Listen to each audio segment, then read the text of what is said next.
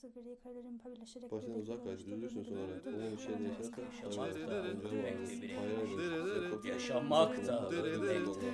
Ah be Suat, ah be kızım be. Bak kafa. Vereceğiz onu.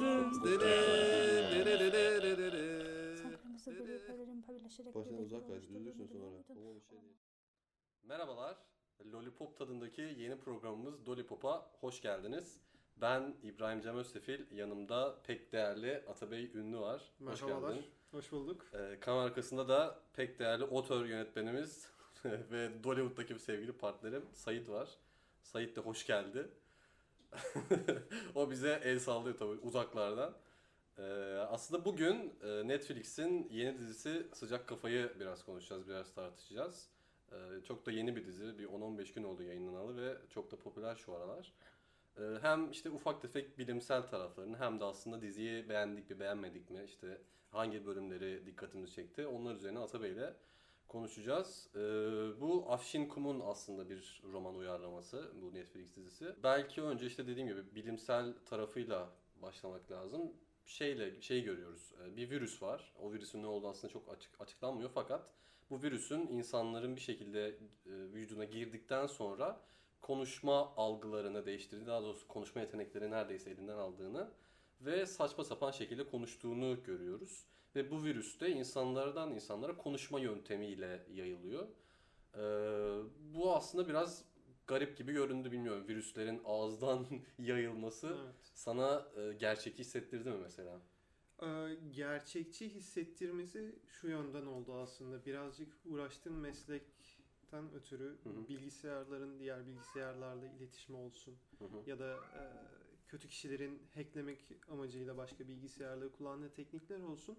E, bu tarz sinyalizasyon sinyal yöntemiyle yapılan hacklemeler var ve birazcık buna benzettim ben. Yani Hmm. bir e, bir kişiden diğerine aktarılan sinyallerle beyin işleyişinin bir şekilde yeniden düzenlenmesi ve yeniden oluşturulmasıyla aktarılan bir virüsmüş Hı hı. geldi. Hı hı. Ee, bu açıdan aktarım bu e, hastalığın geçtiği evren içinde bence hani mantıklı bir çerçeveye oturtulmuş gibi duruyor. Hı hı. Çünkü her ne kadar dizi boyunca bu hastalığı açmasalar da çok fazla değinmeseler de e, yine de bu hastalığın nasıl yayıldığına dair kendi içinde mantıklı e, açıklamalar oluşturuyorlardı. Hı hı. Anladım ama yani sen şey gibi düşünüyorsun. İnsanları böyle bilgisayar gibi sadece veri alıp veren formatta düşünürsek çünkü ya insan evet bir, bir bakıma öyle hakikaten. Evet. Etrafımızdaki algıları, işte işaretleri, şeyleri alıp e, sinyalleri hı. daha sonra bir şekilde iletiyoruz. Tabii. E, Bilgisayarlar da aşağı yukarı yapıyor ama yine de ne bileyim bana o bakımda yani insanı sadece bu bakımdan düşürsek eyvallah. Belki mantıklı ama o şekilde yani gene de evet bir bilimsel şey oturuyor. e, Evet. Perspektife oturuyor ama şey değil bilmiyorum benim kafama çok yatmadı. Ya yazar şimdi yazarla ilgili çok genişlemesine bir araştırma yapmadım ama bilgisayar mühendisi olduğunu Evet, e, doğru. söylemiştiniz. Boğaziçi mezunuymuş. Boğaziçi bilgisayar mezunu olduğunu söylemiştiniz. Belki de e, bu tarz bir Evet, olaydan biliyordur. esinlenmiş Hı hı. olup yapmış olabilir. Sana da bahsetmiştim. Air gap hacking deniyor. İnternete bağlı olmasa bile bir bilgisayara ya da bir sa- saçma bir şey olsun. Bir printer'a bir Hı de hani sinyal yöntemiyle bir şekilde kendi istediğin şeyleri yaptırabildiğin için yazar belki de e, bu tarz bir şeyden esinlenip bu hı, hastalığın hı, yayılmasını e, işlemiş Bir olabilir. virüs insanların e, konuşma bölgesini bir şekilde etkileyebilir. Bilmiyorum böyle bir virüs sanırım yok ama bir şekilde çıkıp insanın kan yoluna bulaşıp e, Hı hı. o konuşma algısını değiştirebilir. Ama işte ağızdan ağza yayılma konusu çok şey muğlakta. Şeyde de işte konuşma konusunda işte saçmalama sürekli insanlar Hı hı, saçmalıyor hı ve hı. buna abuklama diyorlar aslında. Ee, insan hakikaten konuşma alanını yönettiği düşünülen bir bölgesi var. Ve bu böl- bölge de galiba Vernik, Vernike, bölgesi. Vernike alanı. Vernike alanıydı.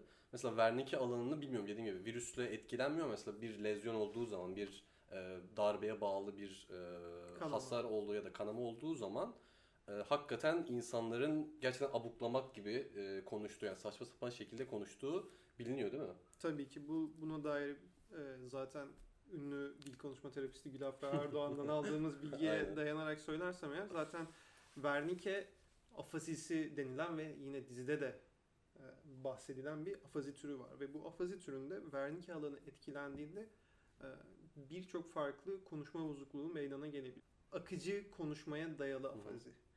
Yani e, zaten fark ettiyseniz ilk bölümde bu gündüz düşlerini yaşarken ana karakterimiz Özgür'ü görüyor. O da orada ne oldu lan sana Wernicke afazisi gibi takılıyorsun Hmm. yine diyor. Aslında orada söylemeye çalıştığı yani anlatmaya çalıştığı ipuculardan biri de o. Wernicke afazisinde de insanlar e, bir cümle kurmak ister. Akıllarında bir fikir vardır. Ama o cümleyi kurmak isterken tarif edemezler. Hı hı. Mesela buna e, dil konuşma terapisi Gülafra baya güzel bir örnek vermişti. Hani mesela bir Gülafra'yla tanışıklığınız nereden bu arada? Gülafra ile tanışıklığımız e, inanmazsın evliyiz. Hmm. Tabii ki. Yani Süper. kendisi çok güzel beni e, program öncesinde hazırladı. Gazlamış. dedi ki yanlış anlatırsan dedi çeşitli bu iş biter. çeşitlerde bu iş bitebilir dedi. Hani mesleğimi ayaklar altına alma lütfen düzgün anlat Evet. Şu an sen Evet. sadece bir moleküler biyolog Tabii, olarak tabii. değil. Değil. Kesinlikle değil. Ne moleküler biyolog ne biyoinformatikçi değil. Şu an tamamen bir e, DKT'yi ayağa kaldırma projesi olarak buradayım. Harika. Dediğim gibi ne demiştim? Dediğim gibi mesela bir şeyi tarif etmek ister. Lütfen dolabı aç demek ister ama dolabın etrafındaki şeyleri tarif eder. Hani tost makinesinin yanında onun üzerinde bir şey var ama ne olduğunu bilmiyorum. Rengi sarı şu falan diye tarif edip aslında istediği yere yönlendirmeye çalışır ama kafasındaki düşünceyi kelimelere dökerken zorlanır. Yani evet, algılamasında, Evet, çok büyük bir algılamasında- sıkıntı yok. Evet bunu e, buna da zaten dizide dedikleri gibi bir semantik bir virüs Hı hı diyorlar. hı hı. Bu da zaten semantik yolların bozulmasından kaynaklı gerçekleşen bir olgu olarak geliyor. Ya muhtemelen Afşin Kum da, muhtemelen dizinin gene yönetmeni, yaratıcısı da biraz araştırmış, bakmış yani. İçi, içi boş bir iş değil. Ama ya çok etraflıca düşünmüş bir şey değil. Zaten yönetmen de birkaç röportajını izledim. Şey diyor yani insanları hakikaten bu işin bilimiyle çok boğmak, yormak istemedik. Ya bir perspektif, bir background sağlamaya çalıştık. Ama ya çok da kasmadık diyor. Yani o da belli oluyor biraz inceleyince. Evet aslında distopik bir evreni aslında bir temele oturtturmak istemişler. Hı hı, Bu temelde de bir hastalığın sebep olduğu bir distopya olmasını istemişler ve o hastalığın dediğin gibi perspektifini Aynen öyle. oluşturmuşlar. Ya biraz bu bakımdan belki Children of Men'e yani dizinin o kadar kaliteli iyi bir iş değil ama belki o yaklaşımları bazında Evet. Of Men'e benzetebiliriz. E, Hazır bilim falan filan demişken belki şeye de geçebiliriz. Bilim insanının özgür bedeninde toplanması çılgın bir bilim insanı. Hı hı. Ee, normalde hep arada konuşuyoruz. Hep Sait'le de Dollywood'da da. Ee, işte bilim insanları ya böyle şey oluyor. Böyle evil. işte gözlük takıyor şey yapıyor falan. Böyle bir hep bir bildiğimiz onların sıkıştırıldığı bir kutu var. Ama bu sefer sanki farklı bir bilim insanı görüyoruz. Özgür bayağı çılgın. Hatta bazı yerde bilim insanı mı acaba diye insan Evet. kendini sorguluyor. Böyle değişik bir karakter. Ama işte mesela Özgür'de de önce böyle bir onu bulmak yolunda falan bayağı şey yapıyoruz. Lan bu kim bu. Özgür falan filan oluyor ama ilerledikçe Özgür karakteri sanki biraz e, o özgünlüğünü kaybediyor gibi. Bu sanki bütün karakterleri de bir şekilde yayılmış gibi. Her bir karakterin kendi içinde böyle heyecanlandırıcı tarafları, böyle özel ve izledikçe keyifli olan tarafları var ama sanki dizi ilerledikçe bunlar biraz kayboluyor gibi. Sen ne dersin? Ya Özgür karakterini zaten en başta pek tanımlamıyorlardı ilk bölümlerde. Hı hı. Sadece biz ana karakter olan e, Murat'ın bir arkadaşı hatta çalışma arkadaşı olduğunu biliyoruz en başta ve ondan sonra da e, Arif karakteriyle öğreniyoruz ki aslında ölümü şüpheli. Yani aynen. ölmemiş olabilir. Bunu öğreniyoruz. E, ve aslında dizinin en başında bu yüzden Özgür'e çok büyük bir aslında karakteri yük bindiriliyor. Hı hı. Yani Özgür'ün bulunması aslında e, hikayenin çözülmesine sebep olacak bir olaymış gibi verilmeye başlanıyor ve bu ilerledikçe aslında Özgür'ün bir kurtarıcıdan öte artık e, sistemin kurbanı olduğu için sistemi çözmektense sistemle yaşamaya ve en azından yaşamını da kaliteli bir şekilde devam ettirmeye çalışan biri Hı hı. olduğunu görüyoruz. Bu karakter arkının değişimi aslında çok ani oluyor. Hı hı. Yani her ne kadar zaten Özgür'ün bulmacalarından ötürü birazcık Özgür bulması gecikmesi, Özgür'ün bulunamaması aslında ya ne oluyor hani bu kadar şey var. Hani Özgür hala bu adamı bulmacalarla yoruyor. Acaba hani paranoyak biri mi? Hı hı. Kendisine ulaşmaya çalışan başka biri olduğunu mu düşünüyor?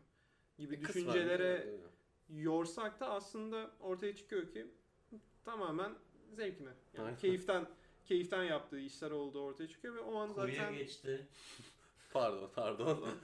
o an zaten e, Özgür'ün arkı benim için mesela direkt olarak hani sonlanmış oluyor. O saatten sonra zaten ben Özgür'ün herhangi bir şekilde diziye ya da olay örgüsüne bir katkı yapabileceğini düşünmemiştim. Hı hı. Çünkü direkt olarak karakteri çok net bir şekilde bitiyor ve artık e, bir uyuşturucu üreticisi ve satıcısı olduğunu öğreniyoruz ve karakter aslında çok yönlü bir karakter olabilecekken bir anda tek düze bir Evet. karaktere düşüyor. Yani bir Aynen bilim öyle. insanının hikayesini dinleyeceğimizi düşünürken aslında hani kendisinin sistemin kurbanı olduğunu düşünen ve artık e, bu sistem için hiç onun için hiçbir anlamı olmayan Hı hı. e, birine dönüştüğünü Evet. görüyoruz. Zaten ana karakteri de bir- sürekli bir taraf seçtirme şeyine Evet. kapılıyor.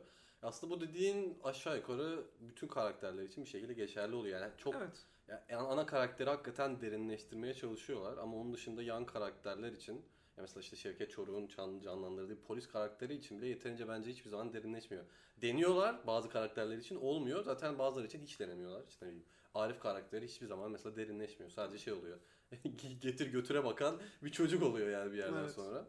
Ee, onun için yani bütün karakterlerde sanki bir öyle bir e, lazy writing diyebileceğimiz bir olgu var gibi hissediyorum. Mesela şeyin gelişini de çok ikna etmiyor beni. Ana karakterin işte hakikaten hiçbir şey yapmak istemeyen, tamamen evde oturup hiçbir şeye karışmak istemeyen bir karakterden e, işte önce dışarı çıkması, sonra işte süper kahramanlığını kabul etme, etme noktasına gelmesi falan hepsi o şeyleri, motivasyonları beni hiçbir zaman ikna edici düzeyde olmadı şahsen. O noktada aslında basit bir e, aşkın gücü tarzı bir Aynen.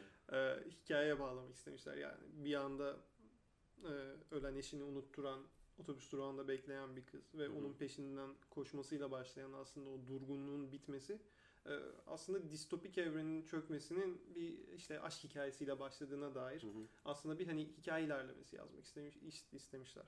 Ama bu noktada karakterin e, Şule'den neden etkilendiği de çok işlenmiyor aslında. Evet. Yani orada bir aşk oluşuyor. Tamam ama yani karakter, Şule karakterinde ne var da ondan etkilenip bu kadar fazla peşine düşüyor. Bunları derinleştirmiyorlar dediğin Evet, gibi. evet. Ee, ve e, bunları aslında derinleştirebilecekleri alan da varmış dizide. Yani dizi tamamen 8 bölümün 8'i de aksiyonla ya da bir hikayenin devamlılığını gerektirecek olaylarla dolu değil. Bazı noktalarda 15 dakikalık, 20 dakikalık kesitlerde simit yeme. Öyle Hmm. boş sohbet etme. Aynen. Hani şeyleri de var. Hani hani hayatta tamam bunlar da var ama sen 8 bölümlük bir dizi çekiyorsan eğer sen hikayeni derinleştirmek için yani 8 Zamanı çarpı var 50 mı kadar olsun, bir evet. 8 çarpı 50 dakikalık zamanın var ve bunu kullanabilirsin. Aşk hikayesini derinleştirmek için de kullanmıyorlar aslında Evet. o hikayeyi. O yüzden dediğim gibi Murat karakteri de Şule karakteri de farklı pers- perspektiflerden derinleşebilecekken aslında oralarda da sığ karakterler olarak kalıyorlar ve bu da e, dizinin ilerleyişini bir şekilde o sürükleyiciliğini Evet, baltalıyor. baltalam baltalıyor. Çünkü e, sen de fark ettiysen 4. ve 5. bölümden sonra çok daha dizinin artık hızı Evet. yavaşlıyor. İnsan ilişkilerini işlemeye çalışırken aslında sadece hikayenin devamlılığı için gerekli olan birkaç tane sahnenin birkaç tane repliğini koyup daha sonrasını hani bildiğim filler gibi hı. doldurma yoluna gidiyorlar. Bu da birazcık e, o noktalarda karakter üzerinden inşa edilen bir distopik evrenin aslında birazcık başarısız Hı hı. kalmasına neden oluyor. Bence de ya özellikle mesela ilk bölümlerde ilk birkaç bölümde en azından şeyi görüyoruz mesela distopik bir İstanbul'u görmek mesela başlı başına bir olay. Yani garip bir şey. Daha önce görmediğimiz bir olay. Ya onun mesela farklı bölgelerini keşfetmek, o İstanbul nasıl olmuş? Bayağı karanlık gri bir İstanbul görüyoruz. Gerçi normalde de öyle de orada daha da gri bir İstanbul görüyoruz. Mesela onu keşfetmek, onun içindeki insan, yaşayan insanların psikolojisini keşfetmek, oradaki bölgeleri, yaşayışı keşfetmek ilginç olabilir.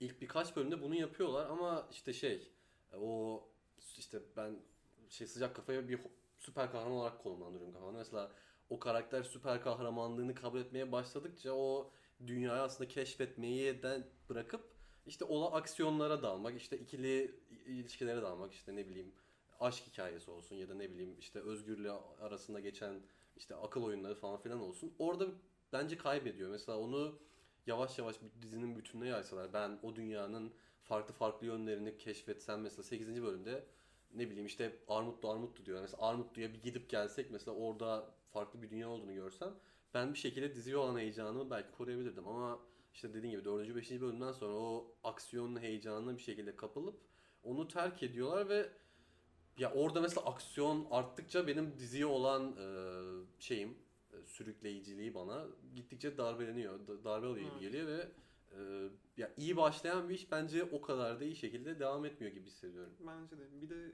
şöyle düşünmek lazım. Bilim kurgu ve aksiyon dizisi olarak başlıyorsun öyle işlere. Hı hı. İzlemeye de bir seyirci olarak izlemeye de öyle başlıyorsun. Ben izlediğim şeyden bir bilim kurgu aksiyon yapısında bir distopik evren incelemek istiyorum diyorsun. Hı hı. Ama dizinin ortalarına ve sonlarına yaklaştıkça aslında distopik evrenden çıkıyor ve tamamen hani iyi ve kötünün savaşı Hı, çerçevesinde Distopya'da ilerleyen çok bir önemi Ha, kalmıyor evet, artık. distopyanın önemi kalmıyor. İyi ile kötünün savaşı haline Evet. geliyor ve orada otokratik bir rejim var, baskıcı bir rejim var ve o rejime karşı aslında gelmeye çalışan insanların hikayesini anlatıyor. Evet. O, o saatten sonra abuklama sadece o evrenin çok kenarda ve çok da e, öğesi yani baskın bir öğesi olmayan şekilde kalıyor. Mesela dizi boyunca hani karakterlerden sadece aslında bir kişinin abukladığını görüyoruz. O da Anton'un. Şevket Çor'un karakterinin yardımcısı Canan. Hı hı. Onun dışında aslında abuklama hiçbir zaman karakterlerimizi o kadar büyük tehlikeye sokmuyor. Evet. Tehlikeye soktuğunu düşündürdüğü anlar oluyor bir tek. Mesela Şule'nin labirentte olduğunu sözde e, Gonca Uslateri'nin karakterinin söylemesi gibi. Hı hı hı. E, Bunun dışında aslında orada üzerinden gelinmeye, tedavi edilmeye çalışan bir hastalık var. Ama bu hastalığı dizide unutabiliyorsun bile. Evet. Yani hastalığı hatırlatmak için kulaklık öğesi bir yerden sonra yeterli olmuyor bence. Hı hı. O yüzden de dediğin gibi bilim kurgu evreninin hızı aslında kişisel ilişkileri de işleyebilmek adına birazcık yavaşlatılıyor ve bir süre sonra bilim kurgu dizisi değil de bir aksiyon drama karışık bir dizi Evet. izliyormuşsun gibi hissediyorsun. Kesinlikle. Bu arada çok çok gömdük gömdük ama yani ya o kadar bence kötü bir iş değil yani e- eleştirecek kısımları var ama mesela şeyi çok konuşuyoruz. İşte Türkiye'de hakikaten bilim kurgu dizisi ya da filmi çekilebilir mi? Çok absürt durmaz mı falan filan diye ama mesela İstanbul'u işte ne bileyim gelecekte geçen bir distopik bir İstanbul görmek beni çok rahatsız etmedi. Mesela o konularda yine başarılılar. Mesela abuklama olayı da olsun mesela o hep işte ne bileyim 200-300 kişilik e, insan gruplarını çekmişler. E, onlar hiç rahatsız etmiyor beni. Ya o kurdukları evren güzel. E, yani hikayenin işleyişinde belki sıkıntılar var ama mesela dizinin oyuncu kadrosu, oyuncu seçimleri de çok güzel. Mesela Osman Sonat'ın seçilmesi bence çok e, başrol olarak önemli bir hamle. Çünkü mesela buraya rahatlıkla Kıvanç Tatlıtuğ da koyarsın. Gelir oynar ama ya o insanın popülaritesinden yararlanabilirsin çok rahatlıkla ama onu tercih etmeyip hakikaten Osman Sonat da ben iyi bir oyuncudur. Ben beğenirim yani. Beğenmeyen olabilir ama bence iyi bir oyuncudur. Kıvanç denendi de olmadı. Öyle mi diyorsun Kıvanç? Başka bir dizide. Ha, audition'a girdi de olmadı yoksa.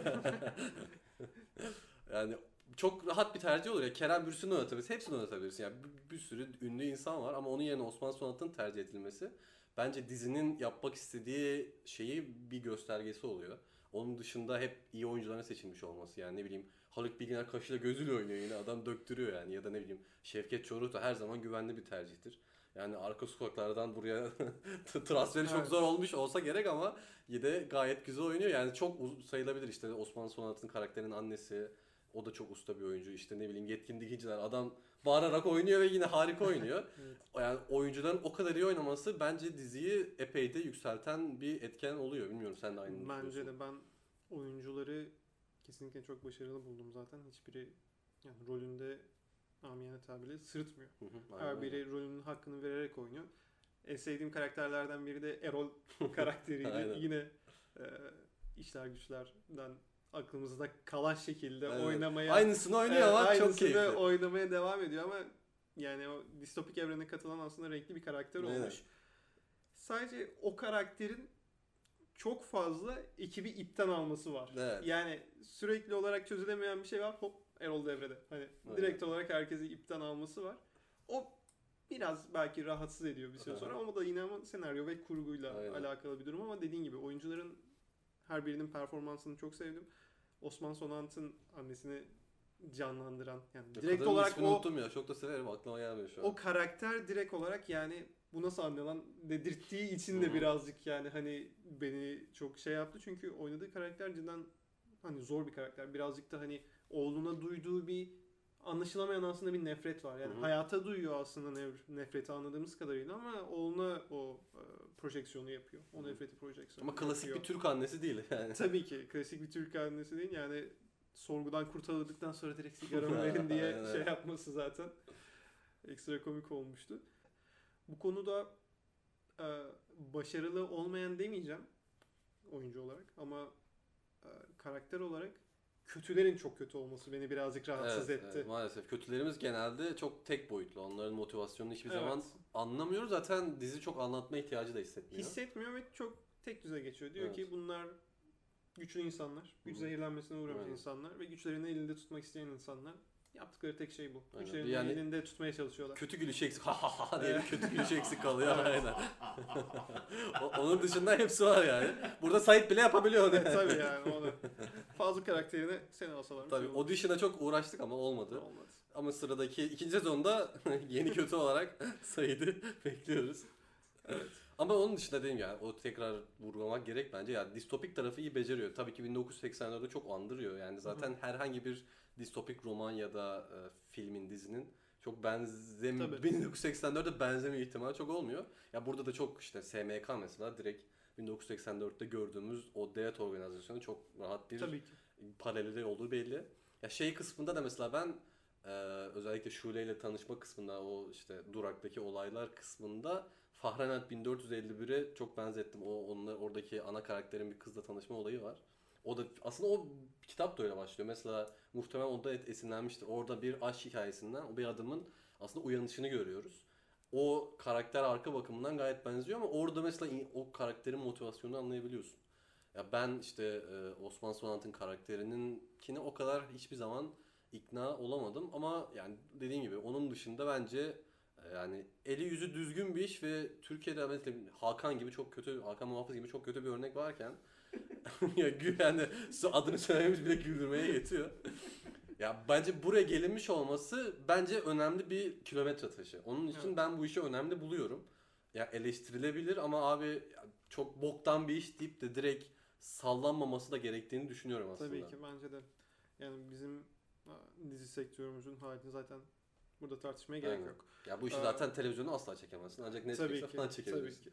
Ee, yani dijital platformda çekilmiş olmanın rahatlığı tabii ki ellerinde var ama yani bu rahatlığa sahip olmaları yani şımarmamışlar. Hı hı. Bu rahatlığa sahibiz. Evet. Ve gayet bence oturaklı bir hani Türk dizi sektörü için gayet oturaklı bir bilim kurgu dizisi çekmişler ve ben ikinci sezonda e, yani eleştirileri alıp daha çok daha etkili işler yapacaklarını düşünüyorum. Çünkü e, dizinin gidişatı gayet güzel ve yani bir cliffhanger'da bıraktılar zaten. Evet. Yani bir ikinci sezonda ne olacağını insanlar merak etsin diye bir, bir cliffhanger'da bıraktılar. Eğer ikinci sezonda bence kartlarını doğru oy- oynarlarsa ve birazcık daha bilim kurgu işine, bu hastalığın tedavisi işine daha çok odaklanırlarsa bence bilim kurgu açısından zaten bu ülkede yapılmış en iyi dizi olabilir. Ee, Danışmana da ihtiyaç olursa biz Tabii. burada tabii her türlü desteği vermeye hazırız. e, başka ne Tükettim, tükettim mi? Tüketmiş miyim diye Ben şeyi bakıyorum. konuşalım istiyorum. Bu dizinin içten içe, alttan alta bir e, hükümet yanlısı bir iş olması bence konuşulmalı. Mesela şey e, Özel düzen hükümet mi abi? abi özel olsun, e, şu anki hükümet olsun. Aldıracaksın yani bizi sen kafaya koydun. Abi Abdülhamit olmasın da. Abdülhamit'e kadar gider. Gider. Vallahi gider. Hiç sıkıntı yok. Ya mesela şey, e, şimdi Sait izlemedi. Sait'i anlatayım senin reaksiyonunu görelim. Mesela Kadıköy'e gid şey yapıyorlar. Kadıköy'e gitmiyorlar. Düzensiz bölgeye gidiyorlar. Mesela SMK'nın kontrolünde olan bölgeler var ve olmayan bölgeler var. Mesela SMK'nın kontrolünde olmayan tamamen düzensiz bölgeye Kadıköy metrosuyla gidiyorlar. Kardeşim bak şimdi burada bir Kadıköy'e ne demek istiyorsun? Sen şimdi düzensiz orada yani herkes abukluyor mu? Mesela öyle şeyler var. Yani ayıp bunlar. Mesela Kocaeli biliyorsun hükümetin kalelerinden biri. Kocaeli güzellemesi var dizide. Yani böyle şeyler var. Onun beni bir rahatsız etti şimdi. Bilmiyorum sen konuşmak ister misin bu konuda? Valla ben Abi bu abuklamak konuda- şirinlemek gibi bir şey mi? Ya, yani keşke, keşke, keşke. Ya beni e, yani benim o kadar rahatsız etti demeyeyim benim aklıma böyle bir şey gelmedi direkt Ya olarak. Benim işte. daha çok odaklandığım şey Bursalı ne anlar abi? Ne anlar abi aynen. anlar? İstanbul'da yaşadığın mı var sanki? Sen bilmezsin. Biz burada enflasyonu yaşıyoruz abi gereksiz. doğru. Biz daha az yaşıyoruz. %90. Evet biz yüzde yüz aşağısı kurtarmaz. SMK nedir abi? Bu arada SMK olmasın buradan Ceza yemeyelim. Hocam SMK senin başını belaya sokar. Ben sana söyleyeyim. Aa, Beni daha çok bu noktada düşünceye iten aslında abuklamanın yani yazarın abuklamayı yazarken neyi düşündü? Böyle bir hastalığı yazarken neyi düşündüydü? Şirinlemek. Şirin evet. Veya uçuk. Olabilir. Ağızdan ağza Tabii. Ya kardeşim keşke. Keşke uçuk gibi olsa bu da ama maalesef. Ee, o zaman artık yavaş yavaş e, konuştuk, tartıştık. E, sıcak kafayı masaya yatırdık. Tabii. E, kaldırmadık masada, masada kaldı ama Atabey'in pronunciation'ı çok iyiydi bu arada. Birkaç tane terim kullandı. Harikaydı. mesela Ee, ne dediniz efendim? Orada bir conifer bir şey dediniz. O çok güzeldi. O çok hoşuma gitti. Estağfurullah Bir daha efendim. hatırlarsanız söyleyin. Wernicke alanı mı? Wernicke alanı. Yok başka bir şey. Retrograde amnesia. Ha mesela harikaydı bu. Air gap hacking var. Tabii ki. Tabii. Atabey bunun için burada. Tabii ki. Terimsel sözlük olarak ben buradayım. E, numara 0537. Neyse daha fazla artık güldük, eğlendik de yeter artık. Yavaş yavaş ilk bölümümüzün Dolipop'ta sonuna gelmiş olduk. E, Atabey'e de yeniden teşekkür ediyorum. Sadece bu program için Bursa'dan yürüyerek Tabii geldi. ki. Davetiniz için ben de çok teşekkür ederim. ne demek her zaman. E, o zaman bir Biz sonraki... Diriliş Ertuğrul olarak çağırmıştık aslında ama sıcak kafaya denk geldi. Yolda sakalı kesmiş. Oradan kaybettik. Yoksa çekiyorduk. Vallahi çekiyorduk.